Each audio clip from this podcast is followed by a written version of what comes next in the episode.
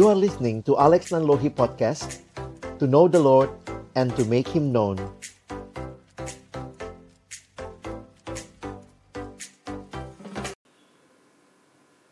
Shalom teman-teman semua. Senang banget hari ini kita kumpul sama-sama.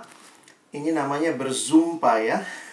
Saya bersyukur sekali kepada Tuhan Karena melihat teman-teman semua Walaupun uh, beberapa belum nyalain kamera Tapi thank you buat teman-teman yang boleh memikirkan inisiatif ini Dan akhirnya juga kesempatan kita bisa sama-sama ketemu berzumpa pagi ini saya bersyukur melihat bagaimana Tuhan memelihara persekutuan di kampus kita. Sekarang istilahnya kalau teman-teman ke kampus sudah namanya PO Visit via UI. Jadi uh, karena ilmu, ilmu, ilmu administrasi sudah jadi fakultas sendiri, tetapi tetap bergabung ya dan kita berdoa ke depan Tuhan terus memberkati pelayanan di kampus dan apa yang kita nikmati pagi ini biarlah tidak hanya berhenti di antara kita tetapi juga boleh jadi berkat buat adik-adik kita yang ada di kampus dan juga tentunya buat kita semua ya. Saya coba share uh, satu slide untuk kita pagi hari ini. Uh, rasanya kalau bicara tentang reunian seperti ini banyak kenangan ya. Baik kenangan yang memang pantas dikenang maupun pantas dilupakan ya. Mohon yang punya masa lalu masa lalu yang mungkin tidak perlu diingat ya kita lupakan. Yang perlu diingat kita ingat lah ya. Dan uh, pagi hari ini saya pengen tahu kabar teman-teman. Tentu uh, gimana caranya sharing ya orang sebanyak ini. Kita coba sharing kabar sebentar. Ya Nen, Neni nggak apa-apa ya. Uh, saya minta kita boleh perhatikan Teman-teman kalau ke kampus sekarang sudah begini nih. Ada kolamnya gitu ya. Jadi nanti kalau kalian ke kampus, nah sudah seperti itu visip kita ya. Itu tangga F dan ini di bagian depannya. Boleh saya minta teman-teman sharing kabarnya? Sederhana aja, saya tanya kabar hari ini. Ya, tempat di visip ini kita apa ya? Uh, home. Home jadi ya kita belajar jujur apa adanya saja. Apa kabarmu hari ini? Saya nggak tanya kemarin, lusa gitu ya. Hari ini teman-teman itu ada pilihan. Pilih satu nomor yang paling menggambarkan kondisimu. Ya, Nah, ini saudara kita semua, keluarga, silakan. Mari lihat nomor berapa yang sedang menjadi kira-kira situasi teman-teman ya. Kalau nanti yang lain mungkin ngeliat temennya dengan nomor itu ya silahkan doain ya kita nggak usah uh, komplain atau kita nggak usah gosipin tapi ya ini kabar-kabar kita silakan teman-teman saling bertukar kabar beberapa hari kemarin banyak sekali juga berita sedih berita duka cita kalau buka Facebook Instagram rasanya wow nggak habis-habis tapi juga mungkin buat beberapa teman ada nomor-nomor tertentu yang sedang kalian alami. Thank you, silahkan saya kasih kesempatan lagi setengah menit lagi untuk kita boleh share. Thank you ya teman-teman. Kiranya apa pun kondisi kita, hari ini biarlah firman Tuhan yang kembali menyegarkan kita. Thank you. Saya coba cari-cari kenangan di PJTV ya. Saya nggak ketemu banyak ya ketemunya cuma beberapa kenangan ini. Silahkan menikmati ya. Ya, beginilah kabarnya kalau visip lagi CO begitu ya. Uh, ada teman-teman yang waktu itu saya kayaknya bawa kamera dan sempat ketangkap momen ini ya. Beberapa kilogram tahun yang lalu teh ya. Oke, okay, uh, ternyata ini Ibu Neni dan Abi, satu lagi siapa ini ya? Saya lupa ya, Budi atau siapa ya? Nih uh, yang lagi pelayanan di Batang F, eh Batang F di PJTV lagi latihan. Oh Marco, oke. Okay. Iya, yeah, thank you. Uh, wah, ada Adrian. Ini yang sempat tertangkap dengan kamera saya.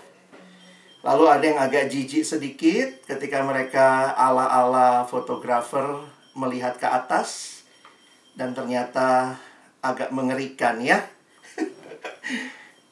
ya, inilah kesempatan kalau anak fisip kumpul foto menjadi bagian kita bersama ya. Kadang-kadang pembinaan ke Cempaka kita pernah ke Cempaka dan itu beberapa foto lalu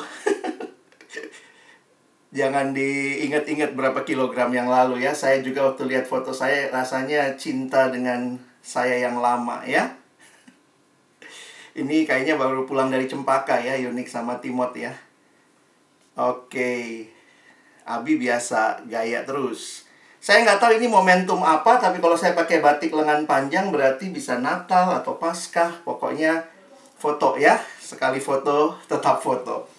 Thank you teman-teman. Uh, itu sedikit memori yang saya coba cari-cari. Sebenarnya kurang Natal ya unik ya. Ingat aja unik. Uh, dan ya ini yang saya ketemu.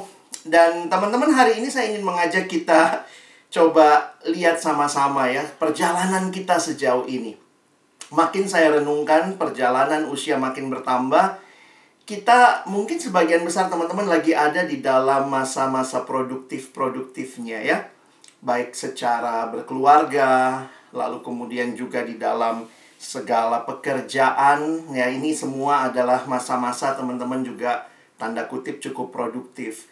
Tapi pertanyaan-pertanyaan refleksi seperti ini saya pikir tetap jadi pertanyaan yang biasanya menghantui setiap kita ya. Why am I here? Ngapain saya di sini? Saya pernah bertanya hal ini juga di tengah-tengah sedang sibuk-sibuknya melakukan ini dan itu, pelayanan sana dan sini. Lalu kemudian, uh, ya itu, pertanyaan why am I here? Apa arti hidup, ya? Tolong nggak usah dibahas sayanya gitu ya. Ini di atas kalau nunduk sudah kelihatan ya. Jadi uh, pertanyaan tentang kehidupan selalu jadi pertanyaan dan kerinduan kita bersama. Pengennya bright future ahead, successful living, dan kita pun belajar memaknai itu. Saya pikir dalam perjalanan teman-teman, uh, setiap orang punya pemahaman tentang sukses.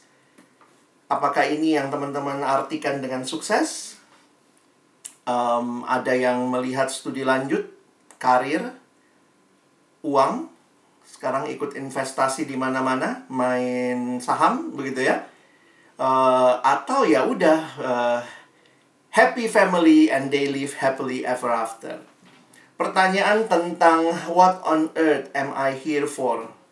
Sebenarnya ini jadi pertanyaan yang terus harus kita tanyakan di dalam kehidupan kita. Bagian firman Tuhan yang hari ini saya ingin ajak kita untuk pelajari, kita baca bukan ayat yang baru, Iya, jadi ini kesempatan untuk bisa reflect lagi pertanyaan-pertanyaan tadi. Kejadian pasal yang pertama ayat 26 sampai 28 berfirmanlah Allah Baiklah kita menjadikan manusia menurut gambar dan rupa kita supaya mereka berkuasa atas ikan-ikan di laut dan burung-burung di udara dan atas ternak dan atas seluruh bumi dan atas segala binatang melata yang merayap di bumi. Maka Allah menciptakan manusia itu menurut gambarnya Menurut gambar Allah diciptakannya dia laki-laki dan perempuan diciptakannya mereka. Allah memberkati mereka lalu Allah berfirman kepada mereka beranak cuculah dan, dan bertambah banyak. Penuhilah bumi dan taklukkanlah itu. Berkuasalah atas ikan-ikan di laut dan burung-burung di udara dan atas segala binatang yang merayap di bumi. Menyadari bahwa pertanyaan tentang kehidupan terus jadi pertanyaan kita, kadang-kadang kita lupa ya bahwa kalau kita mau tahu tentang hidup kita tanya dong sama yang menciptakan kita. Saya pikir ini bukan hal yang baru dari PO Visip juga tadi ya. Kita sudah belajar banyak hal tentang hal itu. Tetapi sebagaimana yang diingatkan di dalam kitab pengkhotbah, ingatlah penciptamu. Memang ada tulisannya pada masa mudamu. Orang kalau masa tua agak-agak otomatis itu ingat Tuhan ya. Kalau masa muda memang masa-masa di mana ya kita masih sibuk dengan berbagai hal tentang diri kita dan tentang apa yang kita mau. Nah, sehingga kembali menyadari bahwa kita ini tidak hadir di dalam dunia ini tanpa tujuan. Saya pikir itu yang harus kita ingat. Kita bukan hadir tanpa tujuan, kita bukan hadir tanpa maksud dalam dunia ini, apalagi kita disebut sebagai gambar Allah.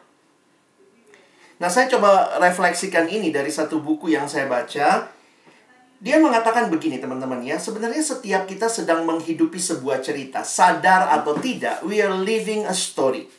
Setiap kita sedang punya cerita yang kita hidupi. Di mana cerita itulah yang akan memberi makna bagi hidup kita. Jadi contohnya uh, saya kutip kalimat dari Timothy Keller, seorang pendeta di Amerika yang berkata, orang tidak bisa membuat apa pun menjadi sesuatu yang masuk akal atau memiliki arti tanpa menempatkannya di dalam semacam alur cerita. How you make the meaning of your life itu tergantung cerita apa. Kalau misalnya cerita kita tentang uang ya, maka ya kenapa kamu S2? Ya supaya uangnya lebih banyak misalnya begitu ya, bisa kerja lebih baik dapat uang lebih baik. Dan kalau misalnya orang melihat suksesnya adalah berkeluarga, maka segala hal yang dia lakukan, ngapain kamu kerja luar biasa? Oh, supaya memenuhi kebutuhan keluarga, anak-anak, dan seterusnya. Setiap detail hidup kita maknai dari cerita apa yang sebenarnya sedang kita jalani, yang kita pahami. Dan cerita ini memberikan kita seperti lensa untuk melihat kehidupan. Nah, yang menarik ada kutipan mengatakan, if life is a story, there must be a storyteller. Dan saya pikir itulah yang kita kejadian ingatkan, bahwa teman-teman dan saya, kita bukan hadir sebagai orang-orang yang independen. We were created beings. Kita itu makhluk yang dicipta. Dan apa yang kita perhatikan, Allah adalah Allah yang menciptakan kita. Kalau kita sedang menghidupi sebuah cerita, maka cerita itu sebenarnya Allah lah yang menjadi penulis ceritanya. Karena itu kita harus belajar melihat segala sesuatu dari perspektifnya Allah. See from from God's perspective. See from God's big story. Nah, ada beberapa buku yang menarik untuk belajar hal ini. Salah satunya kami terjemahkan buku ini ya, Gambar Besar dari Allah.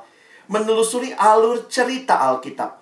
Di dalam buku ini, Vaughan Roberts, penulisnya menuliskan begini, Alkitab itu kira-kira gini ya, kalau diperes, ada cerita utama yang disebut sebagai the big story of the Bible. Tentu waktu di kampus kita udah pelajari ya, yang namanya babak pertama Allah mencipta. Kedua, manusia jatuh dalam dosa kayak mau bikin retet PI ya. Ketiga, manusia ditebus. Ini pipa kita ya. Keempat, nanti Tuhan janji akan datang kedua kali. Nah, ini adalah drama yang sebenarnya cerita yang harusnya mewarnai perjalanan kita. Nah, dalam satu buku yang lain ditulis oleh Bapak Christopher Wright dalam bukunya How to Preach and Teach the Old Testament, dia mengatakan uh, dia coba expand sedikit ya. Dia bilang kalau kita coba perhatikan, the Bible is like a drama with six acts or stages. Jadi dia coba lihat ada 6, sekarang dia bikin sampai 7 begitu ya. Poinnya dia adalah coba lihat Alkitab. Coba kita perhatikan bahwa seluruh Alkitab itu ada 6 babak utama ini. Nah, dia pakai gambar ini untuk menolong kita bisa memahami ya. Jadi dia bilang, kamu bisa jelasin kalau orang nanya Alkitab lu isinya apa? Nah, kita bisa jelasin dengan gambar ini dalam satu menit juga bisa. Allah mencipta, yang pertama creation, yang kedua manusia jatuh dalam dosa. Nah, dia dia expandnya di sini. Yang ketiga, di perjanjian lama itu terjadi Allah memberikan janji. Lalu janji itu digenapi dalam karya penebusan Kristus nomor 4. Nah, yang menarik sebenarnya begini teman-teman ya. Bahwa nanti Tuhan janji datang kedua kali. Itu nomor 6. That is the new creation. Nah, kalau kita lihat gambarnya saja, kita di nomor berapa, teman-teman? Nah, nomor dua. oh, saya samping ular, Kak, waktu itu ya. Enggak ya. Kita sekarang ini ya, kita adanya di nomor lima, ya. Nah, menarik sekali Bapak Christopher Wright memberikan judul dari nomor lima ini. Dia katakan, apa itu nomor lima? Ketika Yesus sudah menebus, tetapi dia kembali ke surga dan dia janji datang kedua kali, maka yang kelima ini dia katakan, that is mission. Itu misi. Jadi menarik teman-teman untuk kalau kita refleksikan, berarti mengerti kisah besar Allah, kita ada di dalam sebuah misi.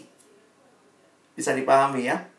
Jadi misi itu bukan wah dia misionaris pergi ke suku terabaikan, suku terasing. No. Tetapi ketika engkau dan saya menjalani hidup ini, we are on a mission. Jadi ceritanya begini ya, kita clear up lagi. Kita kayak lagi belajar di PO ya. Sebenarnya bukan saya dan kamu yang punya cerita. Lalu kita undang Allah. Ayo Tuhan masuk dalam ceritaku. Berkati ceritaku. Berkati karirku. Berkati hidup keluargaku. Ini it's my story. Dan kamu God ya, masuk ke dalam story saya. Bukan begitu. Logikanya sebenarnya adalah ini ceritanya Allah yang mengundang teman-teman dan saya masuk dalam ceritanya.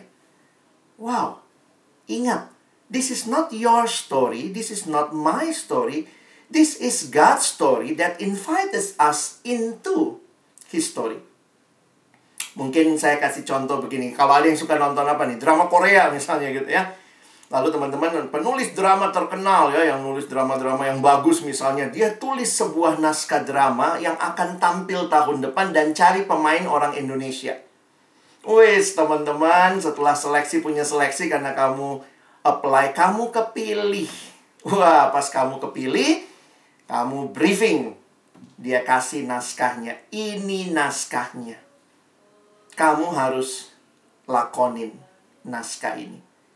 Teman-teman, itu gambarannya. Jadi kalau kita mau jadi pemain drama yang baik, ikuti naskahnya, jangan kebalik.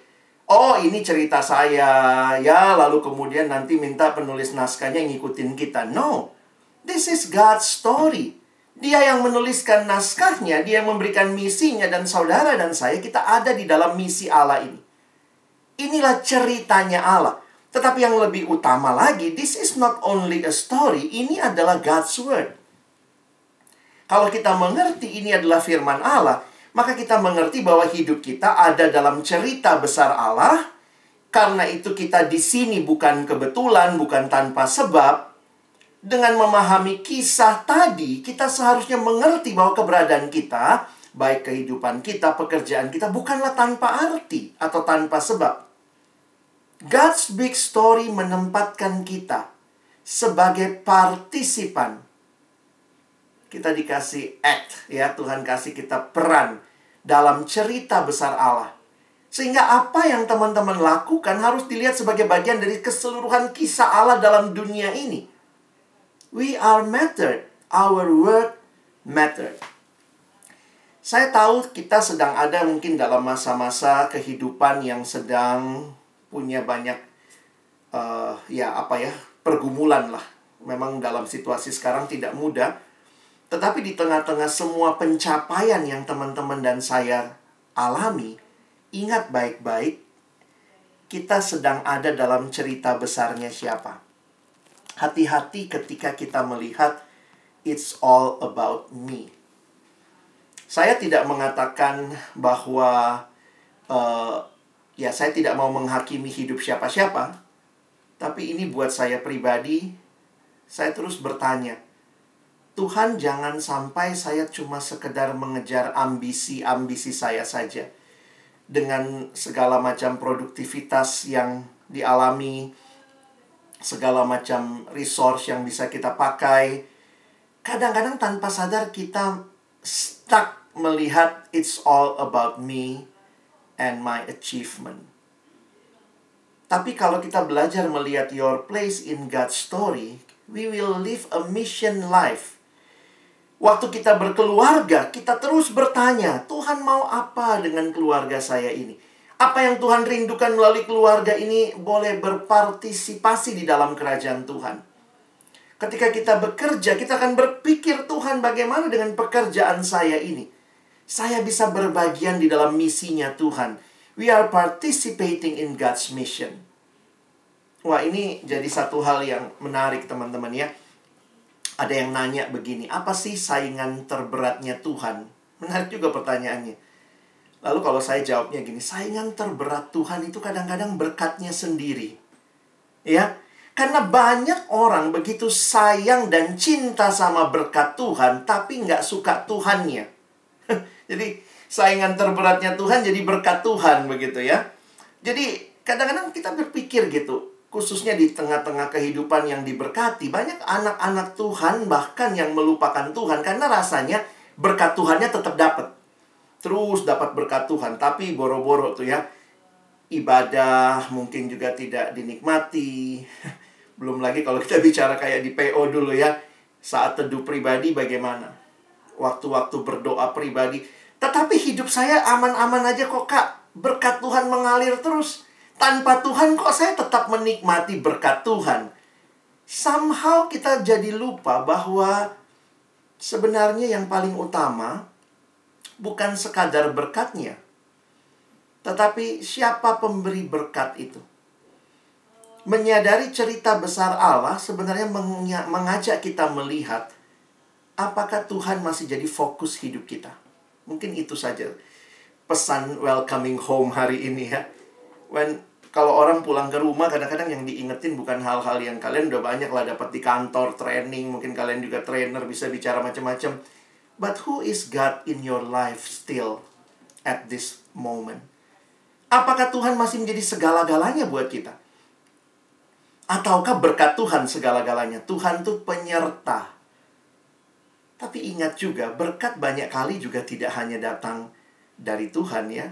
Maksud saya begini banyak hal dalam hidup yang kita lihat Tuhan seolah-olah mengizinkan. Yang korupsi itu bisa kaya kayak Tuhan dari mana uangnya?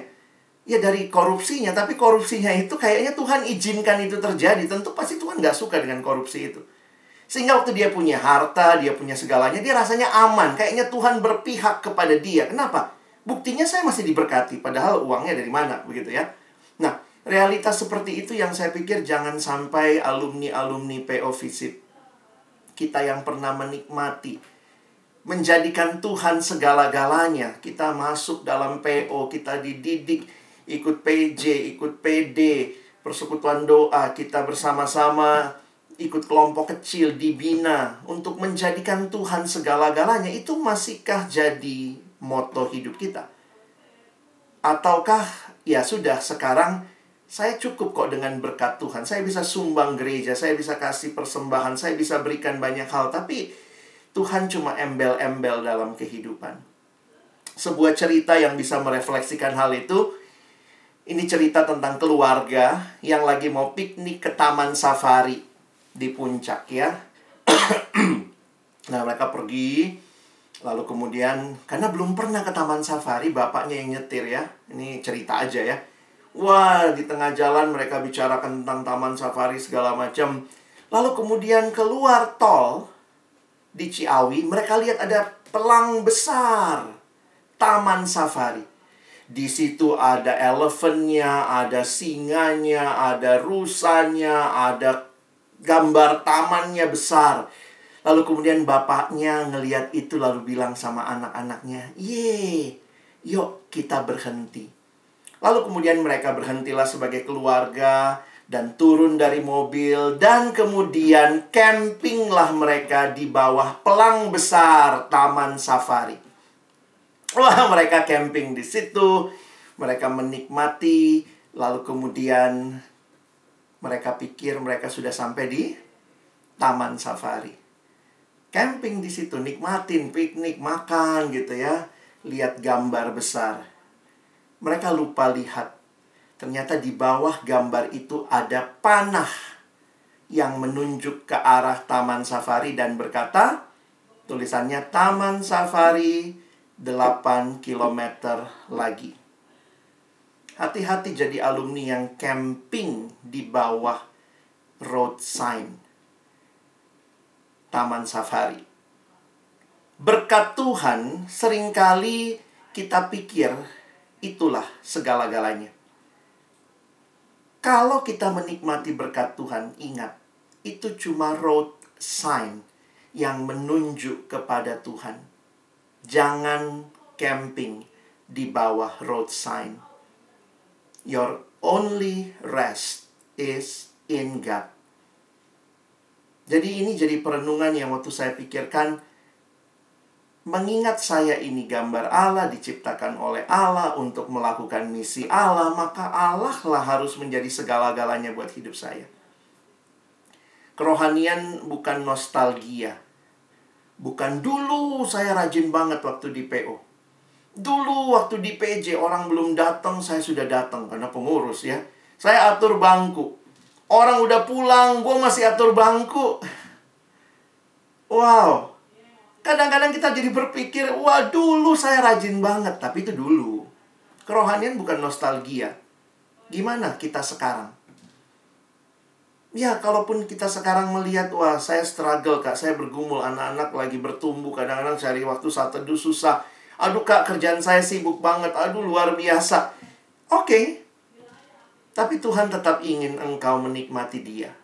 Karena itu ya, kita belajar untuk ini ya. Kita kan anak-anak PO kreatif ya. Kere-kere tapi aktif dulu ya. Sekarang nggak terlalu kere sih ya. Tapi dulu kere-kere tapi aktif. Ada aja jalan begitu ya. Kita akan berjuang. Kenapa? Ini penting. Dan karena itulah mari kita perjuangkan.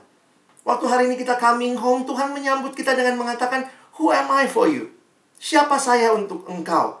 Masihkah engkau menjadikan aku segala-galanya? Dan kalau itu terjadi, maka saya pikir uh, kerinduan kita dulu ya. Di Indonesia hadir alumni-alumni PO Visip yang akan jadi berkat bagi bangsa ini. Wow.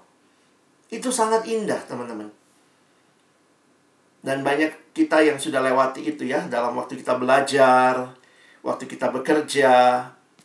Saya pikir ketika engkau bekerja dengan baik, berjuang di dalam kerinduanmu dengan Tuhan, maka pekerjaanmu pun akan jadi berkat. Jangan bandingkan pekerjaan kita dengan yang lain ya.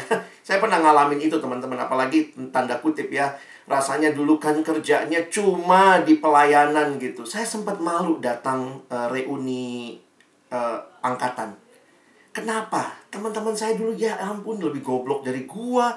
Dulu kadang-kadang nyonteknya sama gua. Dia sekarang udah naik mobil, gua pergi ke reuni naik angkot gitu ya, naik bus gitu. Saya sempat merasa karena masa-masa seperti ini kan kadang-kadang reuni itu menakutkan, ya. Eh, udah udah udah naik apa gitu ya. Pulangnya nanti sama siapa atau gimana? Oh, kalau on on offline gini eh, online begini mah nggak kelihatan ya. Tapi kalau offline, wah itu bisa bisa tanpa sadar kita sendiri punya bikin cerita. Gila dia udah berhasil banget ya. Terus malu gitu ya merasa kalau tanya, oh saya bukan apa-apa, saya bukan siapa-siapa. If you are on a mission from God yang kamu yakini dari Tuhan, beberapa pekerjaan mungkin tidak akan sekaya pekerjaan lain. Tapi kalau kau yakini itu pekerjaan yang Tuhan memang berikan sebagai misimu di tengah dunia, jangan malu. Kita nggak nyolong kok. Kadang-kadang memang ini nggak mudah ya, usia-usia kalian saya pernah alami lah ya, malu tuh rasanya. Tapi sadar betul begitu Iya ya, kadang-kadang duit kalau kita jadiin segala-galanya, koruptor dong yang paling bahagia. Duitnya paling banyak. Tapi bukan seperti itu ya.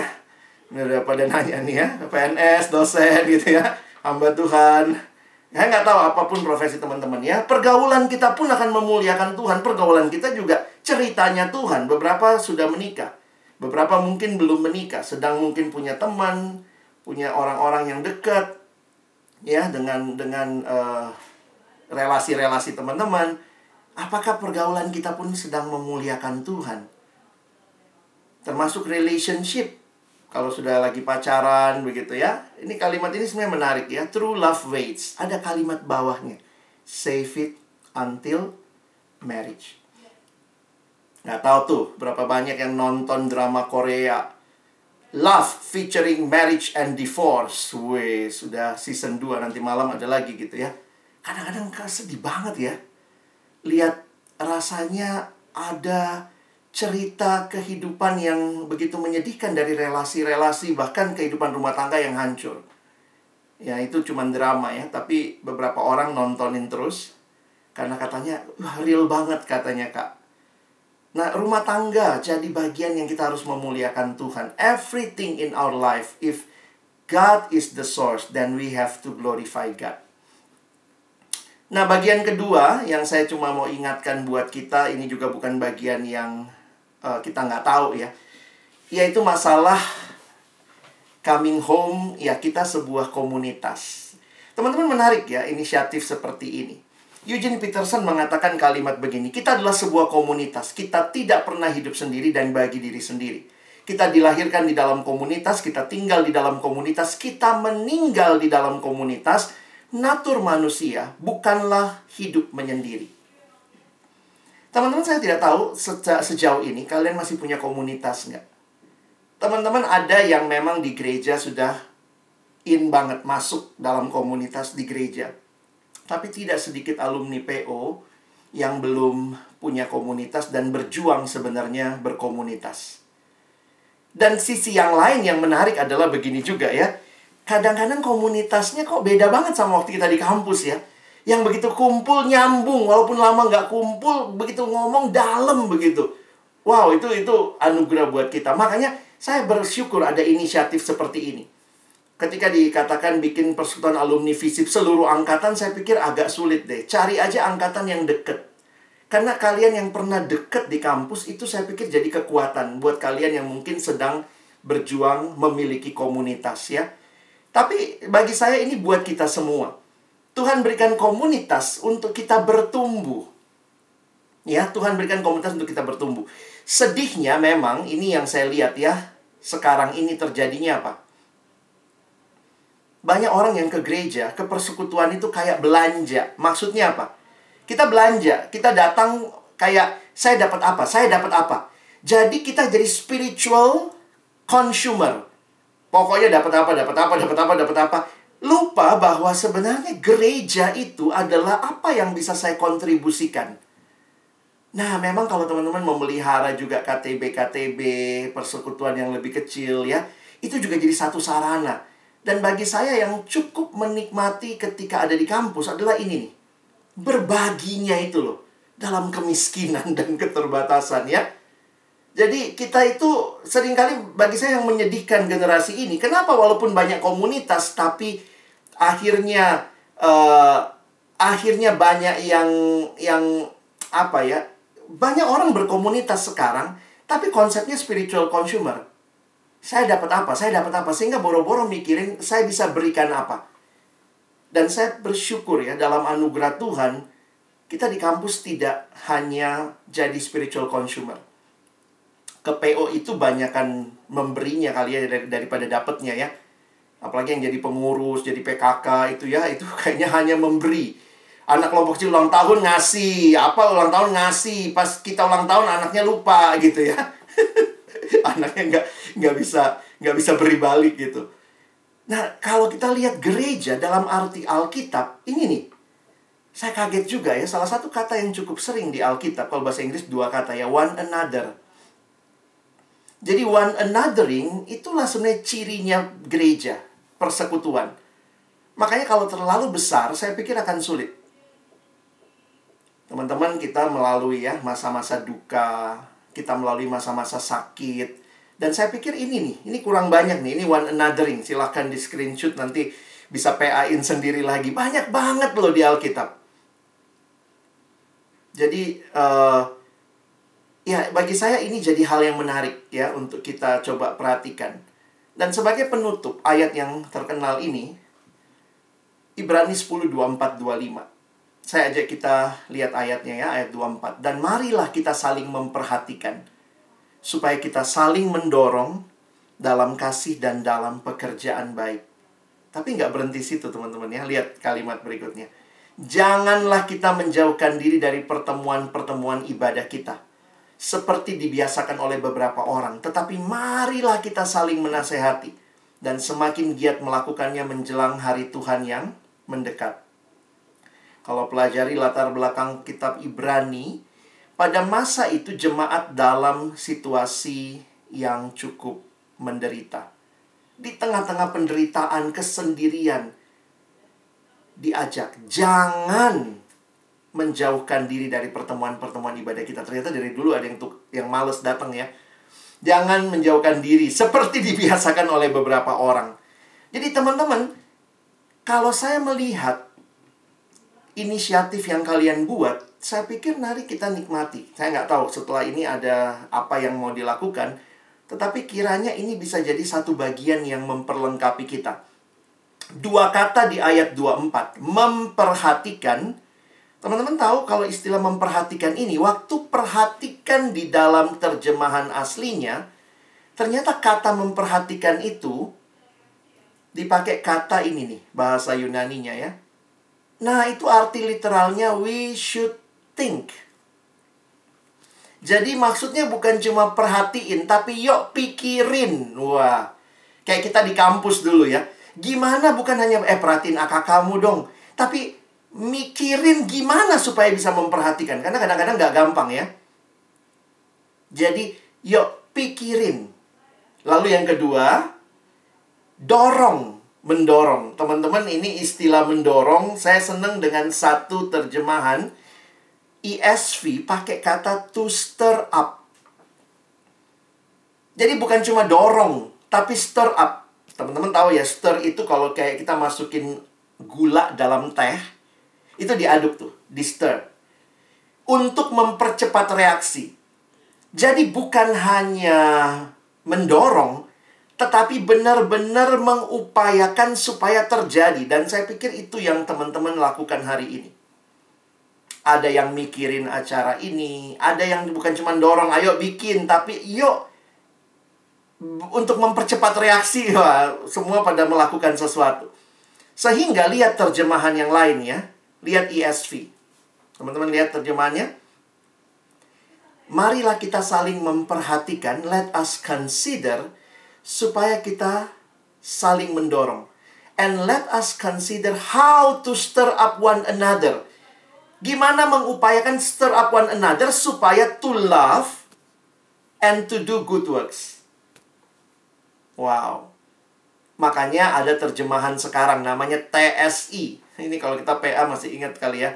Ada namanya terjemahan sederhana Indonesia. Dia tangkap arti itu. Makanya terjemahannya begini. Oleh karena itu, marilah kita semua berpikir. Itu persekutuan. Yuk kita pikirin gimana kita bisa saling mendorong, gimana kita saling membangun supaya terjadi kasih dan perbuatan baik. Mesti mikir teman-teman, mesti berpartisipasi. Jangan jauhkan diri dari pertemuan ibadah. Ini kesempatan yang Tuhan berikan bagi kita. Nah, balik lagi ya. Saya bersyukur sekali lagi buat hari ini. Ketika Tuhan kasih kesempatan ini, Tuhan tidak hanya ingatkan kita, siapa aku untuk kamu. Tapi Tuhan ingatkan juga, siapa sesama bagi kamu. Ingat aja dua itu. Kalau bingung hari ini Kak Alex ngomong apa sih? Bang Alex khotbahnya apa? Pertama, siapa Tuhan bagi kamu? Yang kedua, siapa sesama bagi aku? Bagi kita.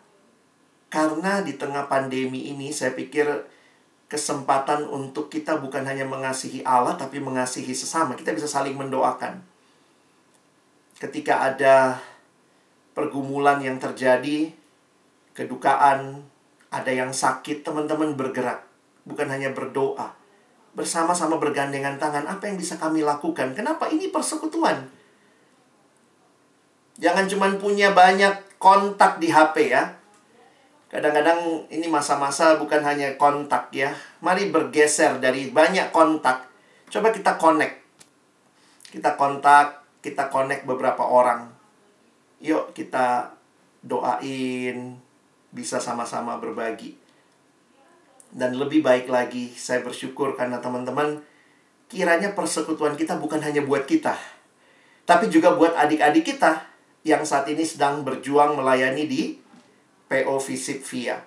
Saya bersyukur kalau kesempatan ini juga teman-teman bisa dengar kondisi kampus, bisa doain mereka, bisa sama-sama bangun sebuah awareness untuk juga memastikan di kampus tetap ada mahasiswa yang dilayani, kenal Tuhan.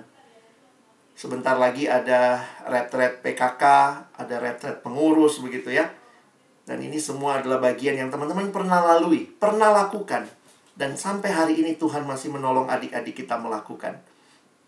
Saya tutup dengan kutipan dari Santo Agustinus. Satu waktu Santo Agustinus ditanya, Bagaimana rupa kasih itu? Lalu Santo Agustinus menjawab, kasih memiliki tangan untuk menolong orang lain, kasih memiliki kaki untuk menghampiri mereka yang miskin, kasih memiliki mata untuk melihat kebutuhan-kebutuhan orang lain, kasih memiliki telinga untuk mendengar rintihan mereka yang menderita. Demikianlah rupa kasih. Tidak selamanya membantu orang itu dia butuhnya uang ya. Jangan kalau ada apa-apa rasanya butuhnya duit. Enggak. Tetapi yang Tuhan berikan bagi kita, kita punya tangan, kita punya kaki, kita punya mata, mungkin kita punya telinga ya untuk bisa dengar apa yang mereka butuhkan. Masa-masa pandemi seperti ini mungkin ada teman-teman yang hanya butuh didengerin gitu ya. Tolong dong dengerin gua gitu ya. Tolong dong doain. Nah, ini kesempatan kiranya pertemuan hari ini seperti ada ripple efeknya ya. Kayak air yang jatuh teng gitu ya. Kiranya efek itu semakin memuliakan Allah dan semakin jadi berkat bagi sesama. Kiranya perenungan ini ingat dua pertanyaan saya terus tanyakan siapakah Tuhan bagimu dan siapakah sesama khususnya teman-teman yang pernah kamu bersama-sama lalui kesempatan bertumbuh di kampus. Tuhan menolong kita bukan hanya jadi pendengar firman, tapi jadi pelaku-pelaku firman. Amin. Mari kita berdoa. Tuhan terima kasih kalau kami pulang ke rumah. Tuhan tidak bertanya seberapa bagus pekerjaan kami. Tuhan tidak bertanya seberapa luar biasa pencapaian kami. Itu mungkin semuanya penting bagi dunia, bagi CV kami tapi Tuhan bertanya hal-hal mendasar, siapakah aku bagimu? Siapakah sesama bagimu? Biarlah kami hari ini yang pulang ke rumah boleh menjawab pertanyaan ini dalam hidup kami dan juga di dalam kebersamaan kami. Kami sekali lagi bersyukur karena Tuhan berkenan terus berbicara kepada kami di sepanjang perjalanan hidup kami. Kami bersyukur, kami berdoa dalam nama Yesus. Amin.